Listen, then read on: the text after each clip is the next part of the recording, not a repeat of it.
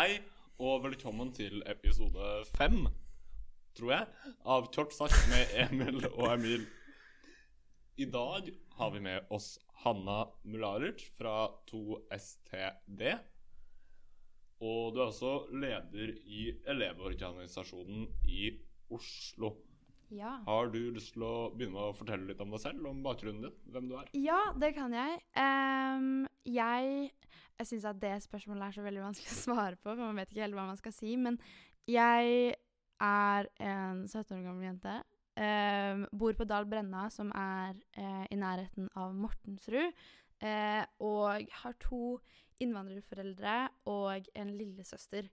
Ehm, foreldrene mine kom hit på midten av 90-tallet, tror jeg.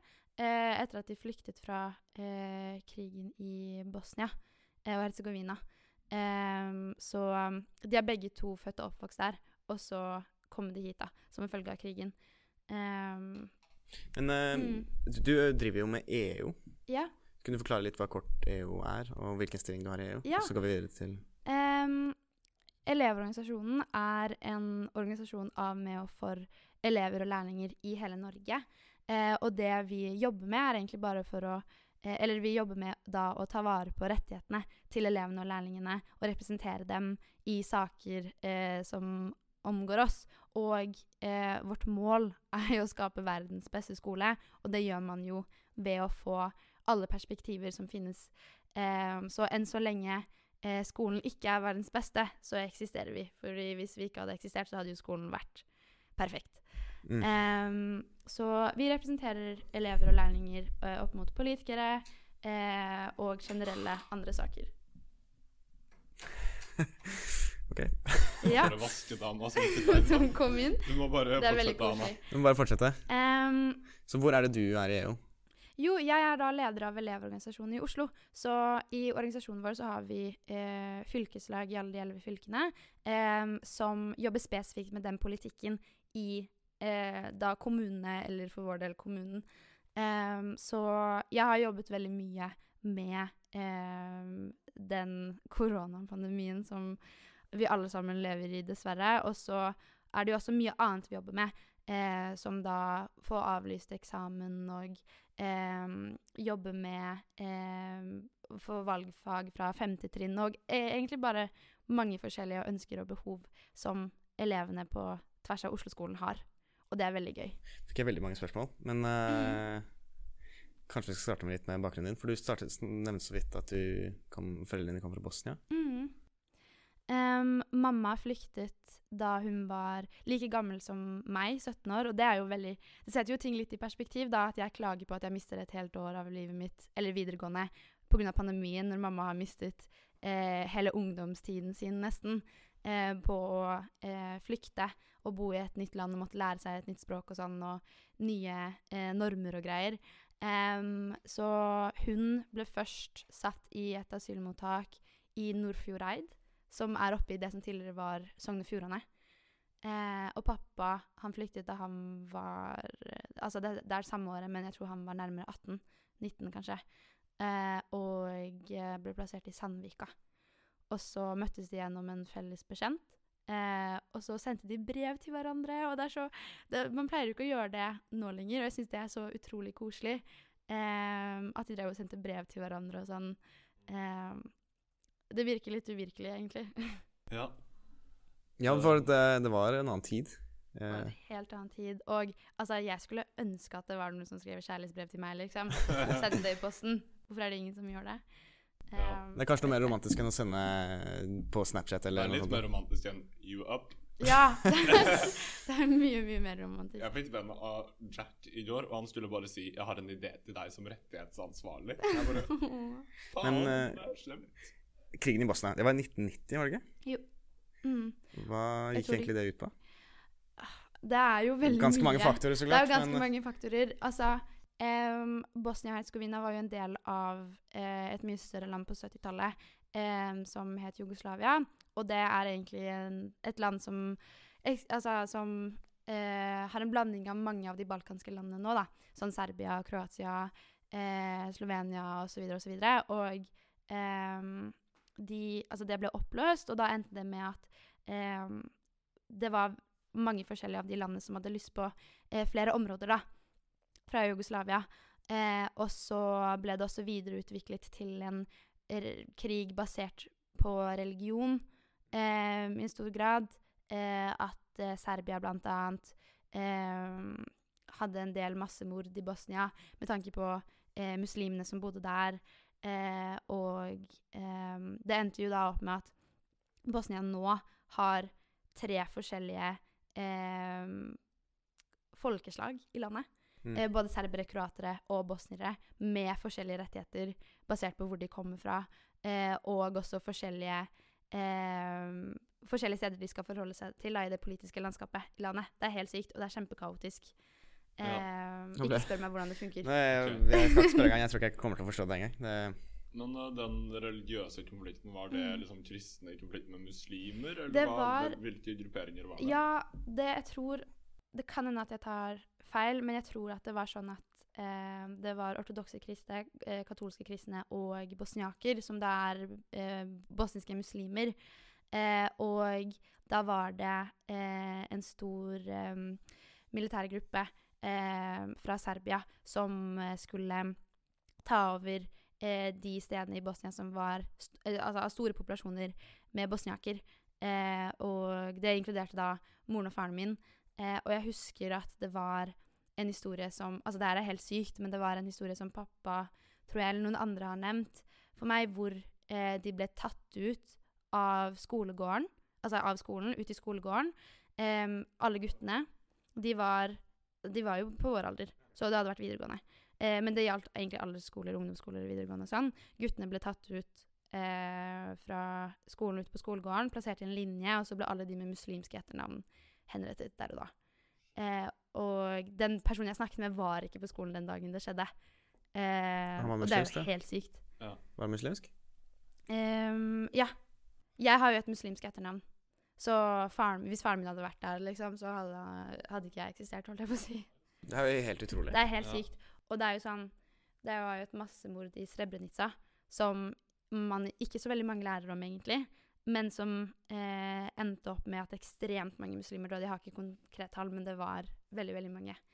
Um, For det er en aktiv Det utryddelse av muslimer, Ja. da. Ja. Ja. Det er jo litt sånn det, Den borgerkrigen i eh, Bosnia, Herzegovina, og sammen med det armenske folkemordet, mm, er sånn to ting som jeg bare Jeg vet at det er grusomt, og så har jeg bare aldri orket å bare se noen dokumentarer eller noe, fordi jeg bare vet at jeg kommer til å bli bare skikkelig dårlig humør.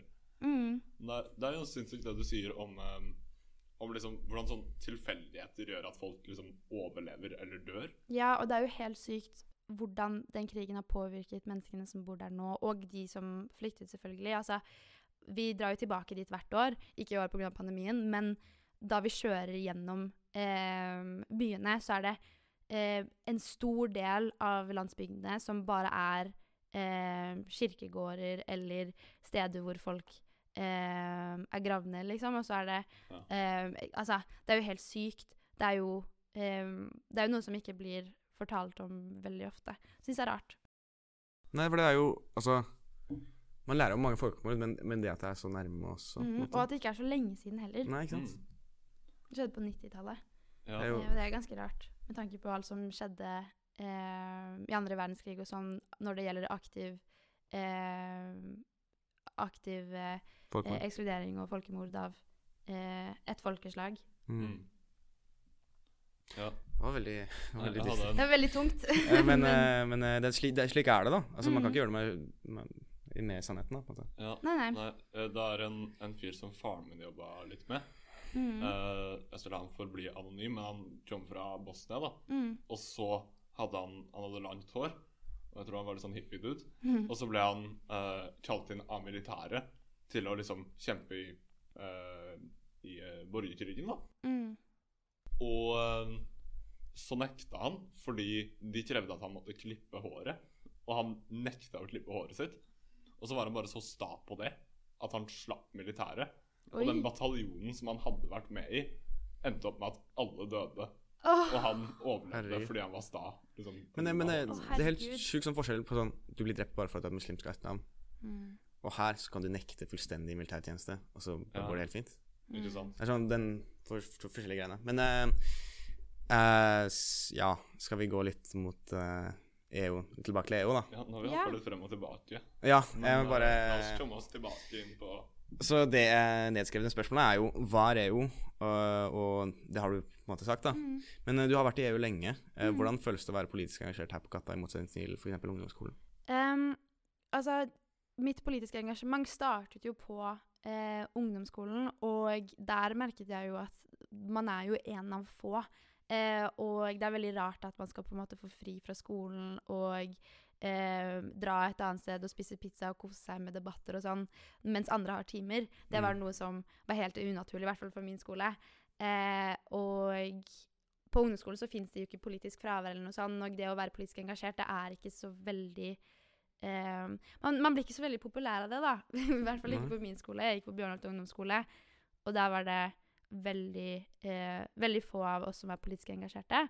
Mens når man kommer til Katta, som har et ganske åpent og variert skolemiljø, så finner man jo som alltid noen man relaterer seg til. Og eh, det politiske miljøet på Katta er jo veldig svært.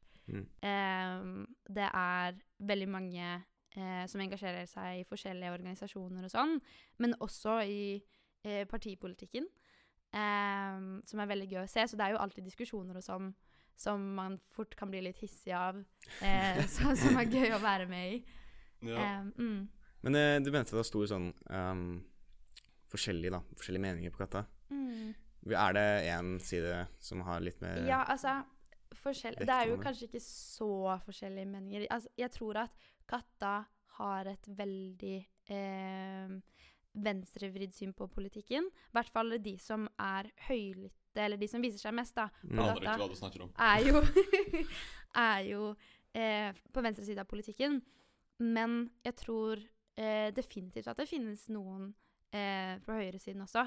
Eh, jeg tror bare at det, det kan til tider også bli litt vanskelig, kanskje, å uttale seg eh, som en person som mener noe annet eh, enn majoriteten på skolen. Mm. Spesielt hvis du nettopp kommer fra noen skole der det ikke er populært å Ja. være politisk aktiv. Spesielt. Men det er jo ikke noe krav om å være politisk aktiv på Katta heller. Nei. Jeg tror at man kanskje får litt den innbildningen når man skal søke på en såpass stor skole med eh, såpass stort politisk mangfold, at man må det. Men det er jo veldig mange som ikke bryr seg så veldig mye om det, og heller bare engasjerer seg i KFE eller eh, andre organisasjoner da, som ikke er så politiske, som Ja. Natur og Ungdom eller noe. Jeg Mm. husker jo det veldig godt da jeg begynte her, så trodde jeg det var sånn sosialistisk eh, Ja, engasjert, sånn unge raddiser, og så var jeg sånn Nei, jeg endte opp med å være det han politiske duden i klassen her også, ja. Ja. Det jo fort det, da, når man, eh, når man er rødt politiker. Det er jo sånn som skjer når man dukker opp første skoledag med rød ungdomsgenser. Mm. Men jeg tror altså, klassen min for eksempel er jo ikke en klasse som er veldig aktivt politisk engasjert, men jeg tror likevel at klassen min og trinnet mitt i løpet av de årene de har gått på Katta, da, i hvert fall har blitt litt mer vant til å sette ting i perspektiv og kritisere ting ved, eh, ved, eh, ved skolen og ved eh, samfunnet og sånn, rett og slett bare fordi man går på Katta. Så man mm. får jo definitivt eh, Man blir jo påvirket definitivt litt. Em, men eh, det er i hvert fall ikke et krav. Nei, eh, det er, det er eh, Hvordan fungerer det egentlig før koronaen? Hvordan fungerte det egentlig det? Var det sånn man snakket i kantinen? eller Eller var det mer sånn offisielle var- greier? For jeg har hørt om noe, noe som heter um, politisk lunsj. Men jeg har aldri vært på det selv. Jeg har vært på det to ganger, tror jeg, og det er jo veldig koselig. Der, uh, får man, der er det noen eksterne gjester som kommer, og så uh, snakker de om uh, et eller annet tema, og så kan man stille dem spørsmål og sånn. Mm. Og det er veldig koselig. Det foregikk i aulaen. Men nå som man ikke møter menneskene på Katta og sånn like ofte og vennene sine, så blir det jo ikke noen store diskusjoner i kantina om eksamen eller om fraværsgrensa lenger, liksom. Mm. Ehm, det, eh, det var det mye mer av før. Eh, nå er det kanskje mer sånn at man snakker litt individuelt med de elevene man eh, er venn med, og om det er naturlig. Det blir kanskje vanskelig å komme seg inn i et, uh, i et sånt miljø hvis man ikke kjenner nok, da. Ja, og jeg syns i hvert fall synd på de som eh, starter på skolen eh, i år. Eller jeg er sikker på at 04 har hatt det veldig fint det året de har gått her, men det er jo definitivt ting de eh, ikke har fått opplevd like mye som vi har, da, med tanke på at ting har vært digitalt, og at man da også eh, kanskje ikke har blitt like komfortabel med alle sammen på sitt trinn og utenfor sitt trinn. Ja, for at, eh, jeg la merke til i dag at første gang jeg har sett førsteklassinger Det er første gang jeg så Ja. dem, når de spilte gym. Jeg har aldri Ja. sett dem før. Men eh, apropos det digitalt. Jeg skjønner ikke helt hvordan politiske møter kan eh, skje digitalt. Er det alt på Teams, da, eller? Um, det er jo litt liksom EU, det man gjør det til. Altså, I EU så har man jo Vi er jo et fylkesstyre på eh, 11-12 stykker, så man kan jo ikke møtes fysisk nå heller. Mm. Og um, det gjør jo engasjementet og det sosiale i politikken mye vanskeligere å opprettholde. Folk blir mye mer slitne, møtene er mye mindre produktive og sånn. Men eh, eh, man finner løsninger, og så gjør man det ofte digitalt, på Teams eller på Zoom. Eh, og så har man man, man man gjør en liten ekstra piff av og til og har em, Legger inn eh, en Kahoot her og der, eller har noe sosialt og sånn for å gjøre det litt ekstra gøy. Um, men uh, når det gjelder møter med politikere og sånn, så er det mye på Zoom og Teams der også. Um, men det er av og til noen som er ekstra ivrige og har lyst til å ta en kaffe i en park. Det er Mm. alltid koselig. Så du er faktisk eh, en av de som har liksom vært um, jeg, sånn, Lærere de er ofte sånn De må holde engasjementet oppe da blant Mm. elevene. Så du har må, måtte ha hatt den lærerrollen da, eller den lederrollen i et Teams-møte? Ja, veldig ofte. Og det er så vanskelig når man har en periode hvor man selv er veldig sliten og veldig demotivert, har hatt lange skoledager. Altså du har hatt skole i åtte timer, hjemme på PC-en så skal du sitte tre timer ekstra Mm. eh, og bare bable, liksom. Um, det er ikke det samme som det var før i det hele tatt. Um, så jeg har måttet tatt den rollen litt, og den er litt kjip også. Em, man blir ganske sliten, men eh, så lenge man har en god gjeng, så går det alltid bra. Ja, Slipper man på en måte å være sånn Hallo, er det noen, er det noen der? Ja. For du, du kjenner jo kanskje de litt bedre, og de har jo kanskje på kameraene også. Ja, vi har på kameraene, men det er ikke noe krav til det. Og jeg tror også, helt ærlig, det å ikke kommentere på om folk har på kamera eller ikke, gjør at folk har på kamera. Hvis du sier sånn Kan dere please ha på kamera? Så får man jo sikkert flere på, men jeg har opplevd at om du er grei med begge deler, at du er komfortabel med at folk ikke har på, og at folk har på, så er det så, så får man til at andre også blir komfortable med den settingen man er i, og Mm. de Ja. selv tar på kamera. Jeg merker også at når det er et veldig godt klassemiljø i en klasse, Mm. og folk har liksom eh, Spesielt om det har vært mye sånn gruppediskusjoner, og folk har prata mye med hverandre og sånn, fram til liksom lockdownene, da. Mm. Det er de klassene hvor folk også tør å ha på kamera. Fordi folk er, liksom, føler seg tryggere i de miljøene. da. Så Så det det handler liksom like Ja. mye om å bare skape et trygt skolemiljø og klassemiljø. det er jo mye hva læreren gjør det til. Om læreren eh, har Eller lager et ganske åpent og komfortabelt miljø, som du nevnte, eh, på Teams og har interaktive diskusjoner, og det ikke bare er foredragsstil, så vil jo folk kanskje mer naturligvis ta på kameraene enn lærere som bare ber folk om å gjøre individuelle oppgaver og lese noen sider, liksom. Jeg tror det kommer med noe veldig godt med altså, det at hvis du tvinger alle til å ha på kamera, så danner du på en måte en motkultur mot det. Det er jo fryktkultur, liksom. Folk har jo ikke lyst til å gjøre ting de blir bedt om å gjøre. Um, nå har jeg hoppet eh, Beklager, jeg var ikke helt ferdig med disse spørsmålene her. Eh, for at nå kommer det Hva fikk deg engasjert i EU? Ja, ja men, men eh, jeg kan godt ta det også. ja, okay, ja. Jeg nevnte jo at jeg startet i EU på ungdomsskolen, og det som fikk meg engasjert, det var jo egentlig bare å Jeg hadde lyst til å bli kjent med folk, så jeg bestemte meg for å eh, stille til elevrådet. Og så eh, Jeg hadde jo sittet i elevrådet på barneskolen også, men det er jo ikke så veldig mye påvirkning der, det er bare jall. Um, men jeg stilte i elevrådet på ungdomsskolen, og så ble jeg vara. Eh, fordi Det var en jente som vant med meg fordi at hun lovte kebab til alle sammen i klassen. Og det gjorde ikke jeg, eh, så der tapte jeg på den. Men eh, em, jeg ble valgt inn som vara, så dro jeg på et elevrådsmøte, og så sa de at nå har vi et arrangement fra elevorganisasjonen. Dere kan dra, dere får fri fra skolen, og pizza blir servert. Visste ikke helt hva temaet var, eller hva man skulle snakke om, men det var pizza, det var gratis, eh, og fri fra skolen. Tenkte det var gøy. Jeg dro dit.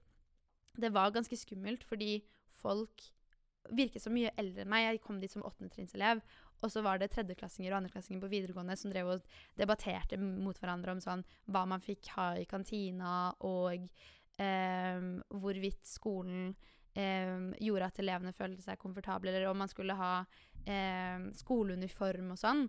Ehm, og det var liksom ting jeg egentlig aldri hadde brydd meg om, eller aldri tenkte på. Eh, jeg kom jo dit bare for pizza, liksom. Ehm, men det var veldig gøy å høre på, og samtidig så relaterte jeg meg veldig til noen av de litt eldre ungdommene som også kom fra samme sted fra byen som jeg gjorde. Eh, og det var veldig gøy å bli kjent med nye mennesker.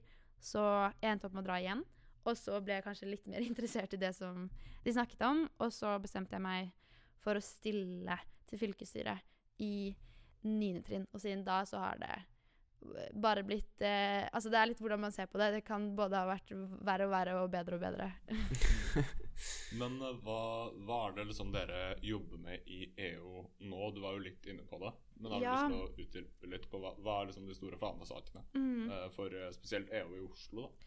Eh, vi har jo to store prioriteringer, politiske prioriteringer, hvor den ene er en trygg Oslo-skole, eh, og den andre handler, handler om en tillitsreform på elevenes premisser. Det er eh, et litt rart ord, men det den for så vidt handler om, er det at man skal snu den rollen elevene kanskje har hatt på skolen litt. Da, at man skal få en mye mer tillitsbasert eh, samarbeid og samhold med ledelsene og elevene på skolene, og at elevene skal få en mye større rolle når det gjelder påvirkning i sin egen skolehverdag.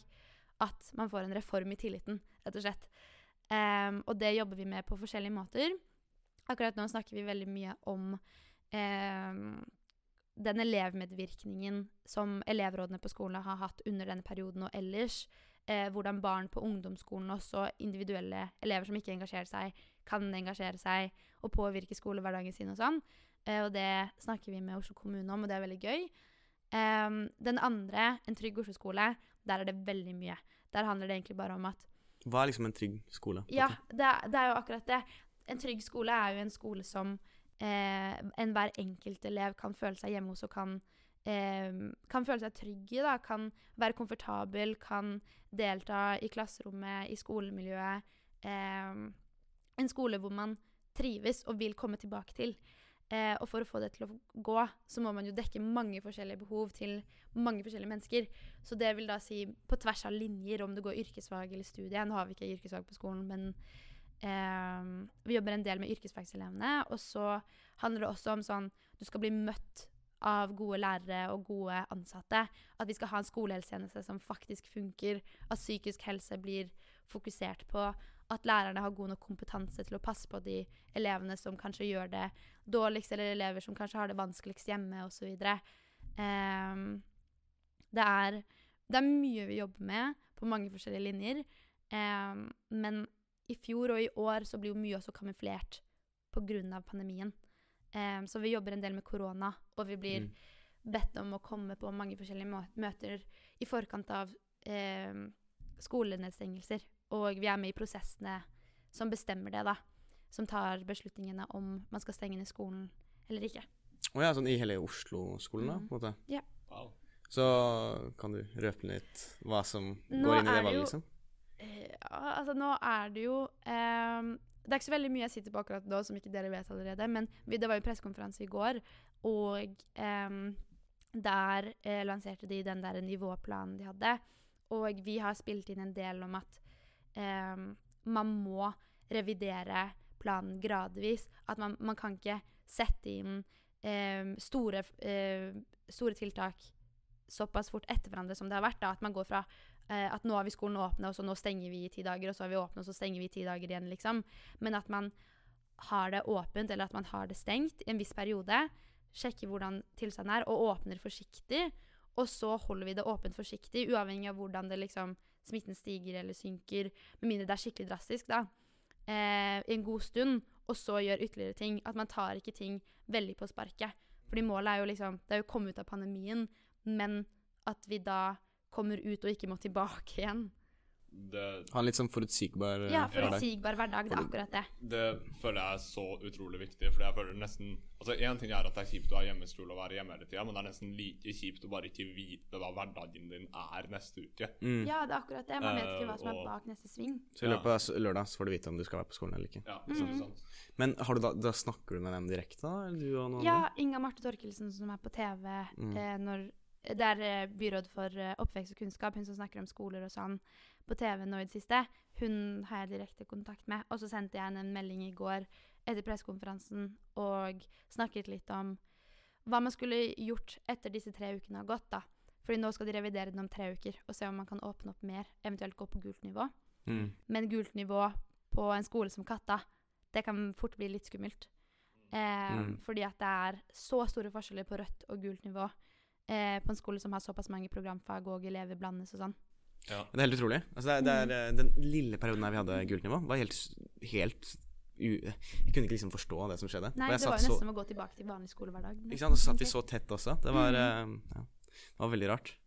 Men jeg lurte på uh, For de som fortsatt betviler på en måte hvor relevant EU er, da. Ja. Hva vil det egentlig i praksis si at Tjatta er en medlemsskole i Elevorganisasjonen? Ja, fordi vi organiserer eh, medlemsskoler. Eh, så det vil si at alle, sammen, alle elever som går på Katta, er medlemmer i Elevorganisasjonen. Fordi at skolen er medlemmer. Og det er faktisk ganske interessant, fordi at Katta var jo et av de skolene som stiftet Elevorganisasjonen, eller det det ble kalt tidligere, NGS, Norges gymnastiastsamband. Det er jo eh, ja, skikkelig vanskelig navn og ganske rart navn. Litt kult, egentlig. Men eh, Katta var med og stiftet den eh, organisasjonen sammen med Nissen og Handels, tror jeg, på eh, grunn Altså med bakgrunn av eh, sensurerte eh, russeaviser. At de ikke ville at russeavisene deres skulle bli sensurert av rektorene sine, og så gikk de sammen om det. Eh, og så ble det bare større og større etterpå, og så eh, opprettet vi også Operasjon Dagsverk, som også skolen holder på med. Og så meldte Katta seg ut, fordi at de følte at eh, Det tror jeg de gjorde Nå er jeg usikker. Jeg tror de gjorde det etter 2010 en gang. Jeg er usikker. Men eh, vi meldte oss ut fordi at vi følte ikke at Elevorganisasjonen dekket de behovene som Katta trenger. Sånn hjelp med elev... Eller skal jeg være helt ærlig, så følte vi ikke at Elevorganisasjonen kunne representere oss godt nok. At vi var for gode for Elevorganisasjonen. um, Men før det hadde vi vært ganske lenge i ja, vi var jo, den som stift, vi var jo en av de tre som stiftet Elevorganisasjonen. Og det var i 1959, Såpass, ja. Men det er vel Ja, ganske tror jeg. år. Cirka. Eh, hvis jeg sier feil på det der, så kommer det til å være så mange som kommer til å erte meg. Men det går bra. Um, men nå som vi har meldt oss inn igjen, jeg tror det var tre-fire år tilbake, året før jeg startet på Katta, Jeg husker det. så meldte vi oss inn. Eh, og em, det man får av å være medlem, er egentlig å kunne ha eh, direkte påvirkning i skolehverdagen sin, men også skolehverdagen til alle de andre Oslo-skoleelevene. At man kan representere Katta på et mye høyere nivå. Sånn, når det gjelder elevrådsarbeid og elevmedvirkning på skolen, så er det sånn Vi klager på timeplaner. Vi em, vi ja, klager på timeplaner, klager på denne læreren her, eller eh, dette faget her, og hvordan det blir organisert. Mens når man er medlem av Elevorganisasjonen, så kan man eh, faktisk altså Da kan man i mye større grad sette opp lover og regler for hvordan skolen kan organiseres av andre enn skolen. Sånn man går til sjefen til skolen enn til sjefen av skolen, hvis det gir mening. Mm. Man samarbeider med eh, Oslo enn rektoren og får mye større gjennomslag der. Um, så vi jobber politisk. Ja? Skulle du si Ja, Nei, nei. det nei. fortsett. Så ut som om du skulle si noe. Men um, vi jobber eh, politisk på den måten at alle medlemmene våre kan komme med sin egen politikk eh, på vegne av oss, og så eh, Eller at vi kommer med politikk på vegne av dem, er kanskje litt mer rettere sagt. Og så representerer vi da i Elevasjonen Katta og alle andre medlemsskoler eh, på et høyere nivå. Eh, ellers så kan man også få en del penger fra oss. Eh, vi sponser elevrådet eh, en del, i tillegg til stiftelsen, da selvfølgelig, men eh, vi er den andre eh, skyteren inn der. Og så har vi en del kule arrangementer og tilbud som Rettighetshjelpen, som er et nummer alle elever kan ringe til hvis de lurer på noe angående rettighetene sine. Hvis læreren gjør noe dumt, hva kan jeg gjøre? Hvis eh, Vi har jo hatt skoler som har opplevd narkorasia, hvor politier kommer uanmeldt eh, og skal liksom ransake elevene eh, for hasj eller hva enn det skal være. Hva kan du som elev gjøre da? Har du lov til å si nei? Sånne type ting. Er det i det, i det hele tatt lovlig? Det var ikke det før vi blandet oss inn i det. Elevorganisasjonen. Vi fikk Det var Nå er det lovlig, liksom? Eller? Nå er det ulovlig. Oh, ja, okay, Ja. Eh, før, var det, før var det lovlig. Ja, Eller før var det ikke Mm. noe juridisk på det. Mm. Men nå er det sånn at du kan ikke komme uanmeldt. Så det vil si at det må være mye, mye eh, planlegging og informasjon rundt elevene og med elevene i forkant av en eventuelt ransaking. Men det, Mm. altså, det er veldig, veldig sjeldent at det skjer nå. Ja. Um, Det er bare så, bare så absurd. ja, ja, det er Eh, helt absurd. Politiet bare kan dukke opp og så ransake hvem de vil, på en måte. Mm. Og så tenker jeg også sånn hva, hvem, hvem sine problemer løser det? Om, Mhm. om, om det politiet er redd for, da, er Ja. at noen skal få et problem med cannabis eller noe annet. Hvor mye hjelper det å bli tatt for det én gang? Slutter du å bruke det? Slutter du å være avhengig, om du er det, da? Og i tillegg så er det sånn når du går på en skole, og det er det du blir møtt med Du blir møtt med Mm. en skole som ikke stoler på deg, voksne som ikke stoler på deg. Da kommer du jo selvfølgelig til å vike mer mot den kriminelle siden. Eller altså, du kommer jo ikke til å følge de reglene som skolen har satt, Mm. når du blir sett på som en kriminell fra dag én, liksom. Samtidig, Ja, ja. Du blir jo sett på som kriminell, spesielt av lærerne, hvis de ser at du blir tatt for et eller annet sånt.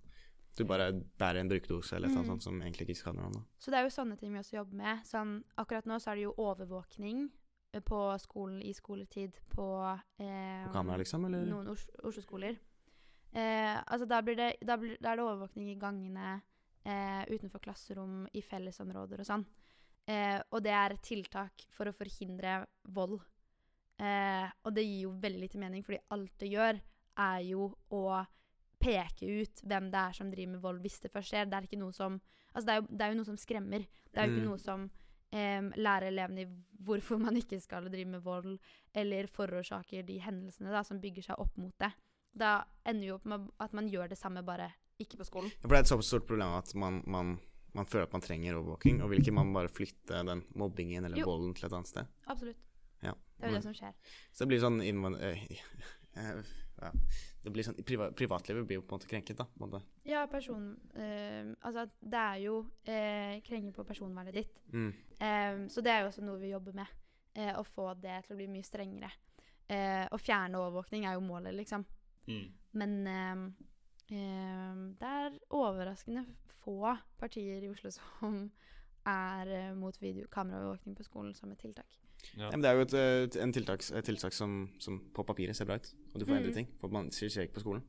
Men, eh, men det er helt annerledes for liksom, hvordan katta er, da. på en måte. Og det er en helt annen virkelighet vi lever i når vi liksom er Mm. på katta. Som katta-elever så legger man kanskje ikke like mye Altså man legger kanskje ikke like mye merke til de problemstillingene som kanskje finnes ellers i Oslo. Mm. Men det er jo fremdeles problemstillinger som vi har. Sånn, vi har jo alltid hatt problemer med eh, prøveplanene, og at det er altfor mye press der, eller at det er dårlig luft i klasserommene. Eh, og Elevorganisasjonen åpner jo opp muligheten for at man kan samle seg. At man, at man samler seg i større tall, og at man blir en større mengde. da, Sånn typ Foss, Katta og Elvebakken har problemer med luft. Mm. La oss ha en aksjon sammen. Um, og det kan man få til gjennom Elevorganisasjonen. Ja. Um, så har vi et spørsmål her som er Hva er ditt beste kattaminne? Eller dine Ja. beste kattaminner, eventuelt? Um, det er jo, nå er det jo veldig mange ting som man har gått glipp av, både som første, andre og tredjeklassing. Eh, og de to tingene jeg, som dukker opp først, er jo ting som man opplevde når pandemien var ikke-eksisterende. Um, men jeg tror at det Altså, de begge to går på teaterperiodene. Vi skulle arrangere Kattarock, som er en endagsfestival som eh, blir arrangert av eh, noen frivillige katteelever. Og så jobber man i noen uker i forkant av det, samler inn band og setter opp scenen og har det veldig kosesosialt. Og så eh, har man en dag hvor eh, både elever fra Katta og mennesker utenfor Katta, om man er elev eller ikke, kan komme og eh, dra på en konsert da, eh, i aulaen vår. Og det er jo Jeg husker at det var helt sykt at vi fikk det til. Jeg tror vi var en gruppe på under ti stykker, eh, som var en blanding av Det var meg og en annen førsteklassing, og så var det eh, resterende andre- og tredjeklassinger. Og at vi fikk til å eh, arrangere eh, en såpass koselig og fin festival, og en såpass profesjonell festival også, som jeg fikk eh, tilbakemelding om at det var, eh, syns jeg var veldig, veldig gøy. Og veldig eh, litt rart Mm. at man får det til. Men dere arrangerte, det var vel mange andre, så, mange andre kattelever som var med også på liksom, siden og Rekvi og sånt? Ja, det er jo Altså, Katterock er jo en liten del av produksjonen til hele teatret. Mm. Um, så man får jo hjelp av uh, vi har et, eh, Man hadde et eget Katterock-styre, Um, som forhåpentligvis kommer til å komme neste år også etter sommerferien. Katterock pleier å bli uh, arrangert i september uh, Ja, septemberperioden. Så kanskje det er en mulighet, jeg vet ikke, eh, til etter sommerferien. Skal ikke jinxe det. Men eh, da har man et katalogstyre, og så får man hjelp fra Lyd og Lys og Rekkevi og Seno og, eh, og sånt. Men de blir også da en liten del av katterokkstyret. Men da pleier det å være i januar, har du ikke? I januar Har du ikke det? mm, Nei. Nei. Ryddehelg rundt der. Nei, da er det bare jeg som blander ting. Men jeg tror, jeg når var tror det var på høsten Ja, okay. en gang.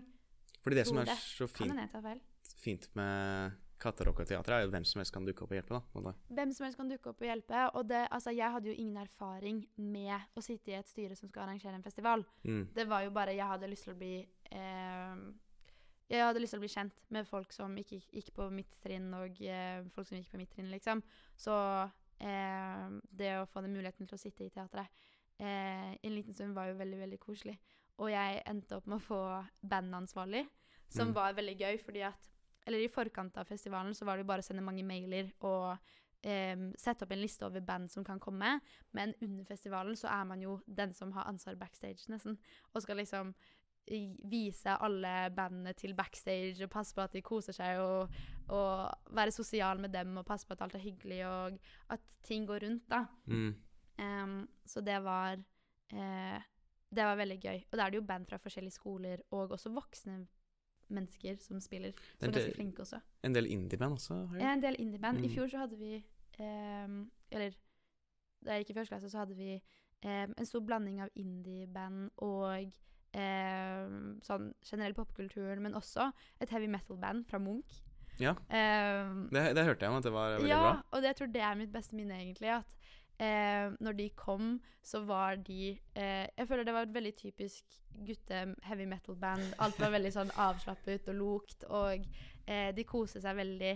Eh, også da de kom ut, så det, det, Altså, de hadde en helt annen form for energi på scenen enn det de hadde eh, backstage. For backstage så var de helt avslappende og eh, rolige og ikke noe ikke noe støy eller kaos. Også på scenen så var det jo noe helt annet. Og det var Vi i Katterokkstyret var kanskje litt bekymra for at det ikke skulle være helt stemning for et sånn type band. Mm. Men folk ble jo kjempegira og var så med og tok av seg liksom genserne sine og hoppet opp og ned på scenen, og det var kjempegøy og ristet med håret, og folk sto der i BH-en, og det var bare Det var, det var kjempe, kjempelættis.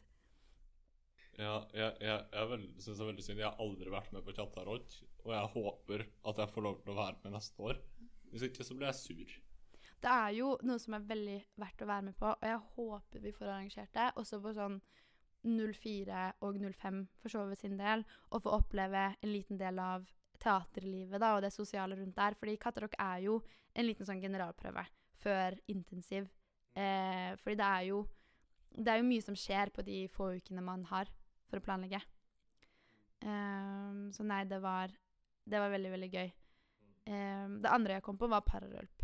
Å løpe gjennom Karl Johan under intensiv Fra politiet. fra politiet. Ja.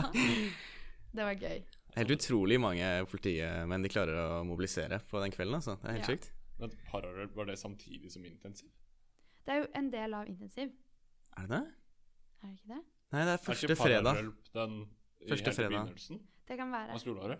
I- Jo, ja, ja, ja. Ja, ja, ja. Og så ØL er en del av intensiv. Mm, ja, ja, riktig. Olympiske leker Ja. for de som ikke Det var morsomt, eh, husker jeg. Ja. ØL fikk ikke jeg være med på. Jeg har heller ikke vært med på ØL. Ja, men jeg føler at Um. det kanskje bare er mest slit enn gøy. Nivået er høyt. Det er det? Nei da, nei, det er skikkelig loka. Det er veldig morsomt. Men um, Anbefales på det sterkeste. ja, nei, jeg, jeg bare fikk beskjed Da da jeg begynte i første, så kjente jeg noen i andre og sånn. Mm. Uh, og så var det en som bare sa sånn Dude, ikke møte opp på pararelp. Purken kommer med en gang, og så må du løpe. Ja. Det er det eneste som skjer. Det Men det var ikke så veldig mye løping. Det var, jeg, det jeg hørte at det var noen som måtte løpe og sånn, men det var eh, Altså, stemningen var god, i så fall. Jeg så ikke politiet så veldig mye, men eh, eh, det var veldig gøy å kunne møte de eldre trinnene og sånn. Ja, men eh, det er sånn Hvis du løper, så, så skiller du deg selv fra flokken. Da Ja. er det lettere å bli tatt. Ja. Sånn som med ulver.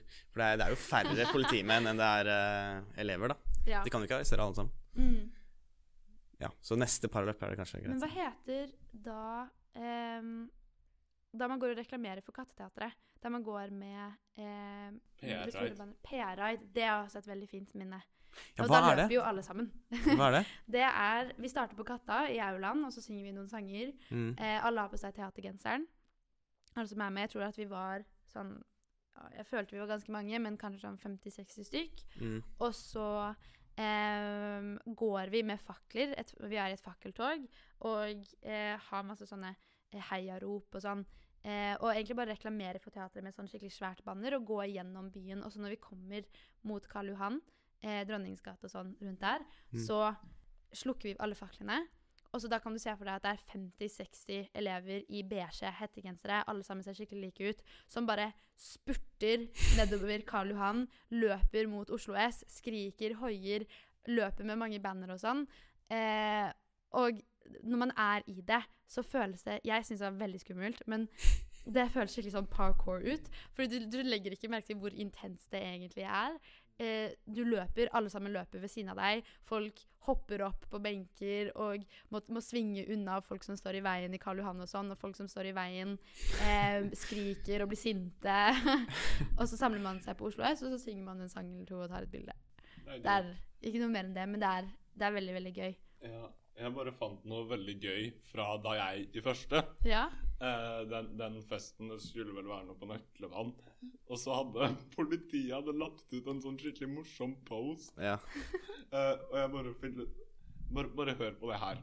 Um, dette her kom rett før Paraløp. Samme dag, tror jeg. Like sikkert som at det er skolestart, kommer også ryktene om fester. Nå sier ryktene at Po-Po ikke skal vite om denne festen Åh, på Nøklevann i morgen. Det har seg slik at vi får med oss en del. Så om dere velger å feste i morgen, vil vi mest sannsynlig ta dere imot. det er sånn, De føler seg planen er å drikke alkohol, minner vi om 18 års aldersgrense, og at det er forbudt, forbudt å drikke på offentlig sted. Vi har også nulltoleranse for andre rusmidler. Vi har sjelden god erfaring med slike fester, og erfaringsmessig må de avsluttes for å forebygge uheldige hendelser. Men poenget er jo at... er det på er Twitter? det et, Nei, det er på Facebook. Uh, Facebook. Og så er det et bilde av to politimenn som står og smiler med åpne armer. Eh, For å ønske folk velkommen. ja. Men altså, politiet er ganske eh, morsomme på Twitter. Jeg følger dem på Twitter, og der eh, når det er Jeg husker det her om dagen, så var det en person som hadde falt ut i vannet, men han var ganske beruset, og så Alt gikk bra med han. Han bare vasset rundt i vannet liksom og skrek ved operaen. og, så, og så hadde de skrevet noe skikkelig morsomt om han. Eh, det er litt shady, men jeg syns det er gøy. Ja. Ja. Spesielt å lese sånn politiet på steder hvor det ikke skjer så veldig mye. Ja. Når det er Jeg, jeg så en sånn morsom en. Det var faktisk fra Oslo. Hvor det var en fyr som hadde begynt Han hadde klatra opp på et tak og sagt at han skulle prøve å legge plen på et tak. Eller plante noen blomster eller et eller På et sånt. random tak. Ja. Og bare sånn Vi har nå fått personen ned på bakkenivå og har eh, eh, konferert og funnet ut at planting av blomster best gjøres i egen bolig eller i eh, et sted man ikke kan falle ned. Det er bare sånn Jeg vil høre resten av den historien. Så paraløp kan absolutt uh, anbefales, spesielt uh, hvis det arrangeres neste år. da. Ja, vi satser på det. Jeg har i hvert fall håp om at vi både kan invitere fadderklassen vår og deres fadderklasse også. Da blir det, det er så rart å tenke på at eh, det kommer et, et nytt kull med elever så snart. Ja, ikke sant? Jeg føler at det kullet som kom nå, har jo ikke blitt ønsket velkommen ordentlig ennå. Og at, ja, at vi må gjøre det på nytt, liksom. Mm. Men ja, det er som det er, så Ja. Det er dritkjipt. Men uh, ja. ja. Er det noe mer å legge til nå? Jeg tror ikke det. Om du, om du har noe du har lyst til å plugge, eller noe du har lyst til å liksom Jo, gjør det her. En eller annen sånn oppfordring. Alle Um, to uh, hørere vil uh, Nei da. Jeg vet ikke. Altså, um, så fort muligheten åpner seg for det, bli med i teatret, bli med på KFE sine samlinger og sånn. Uh, fordi det er, det er så mye som man kan oppleve Mm. uh, på en skole som dette. Og um, jeg vet ikke, engasjer deg i EO. I don't know, det er bare et forslag. Ja. Med det sier vi eh, ha det bra. Ja. Uh, tusen takk for at du kom. Takk for at jeg fikk være med. Bare hyggelig.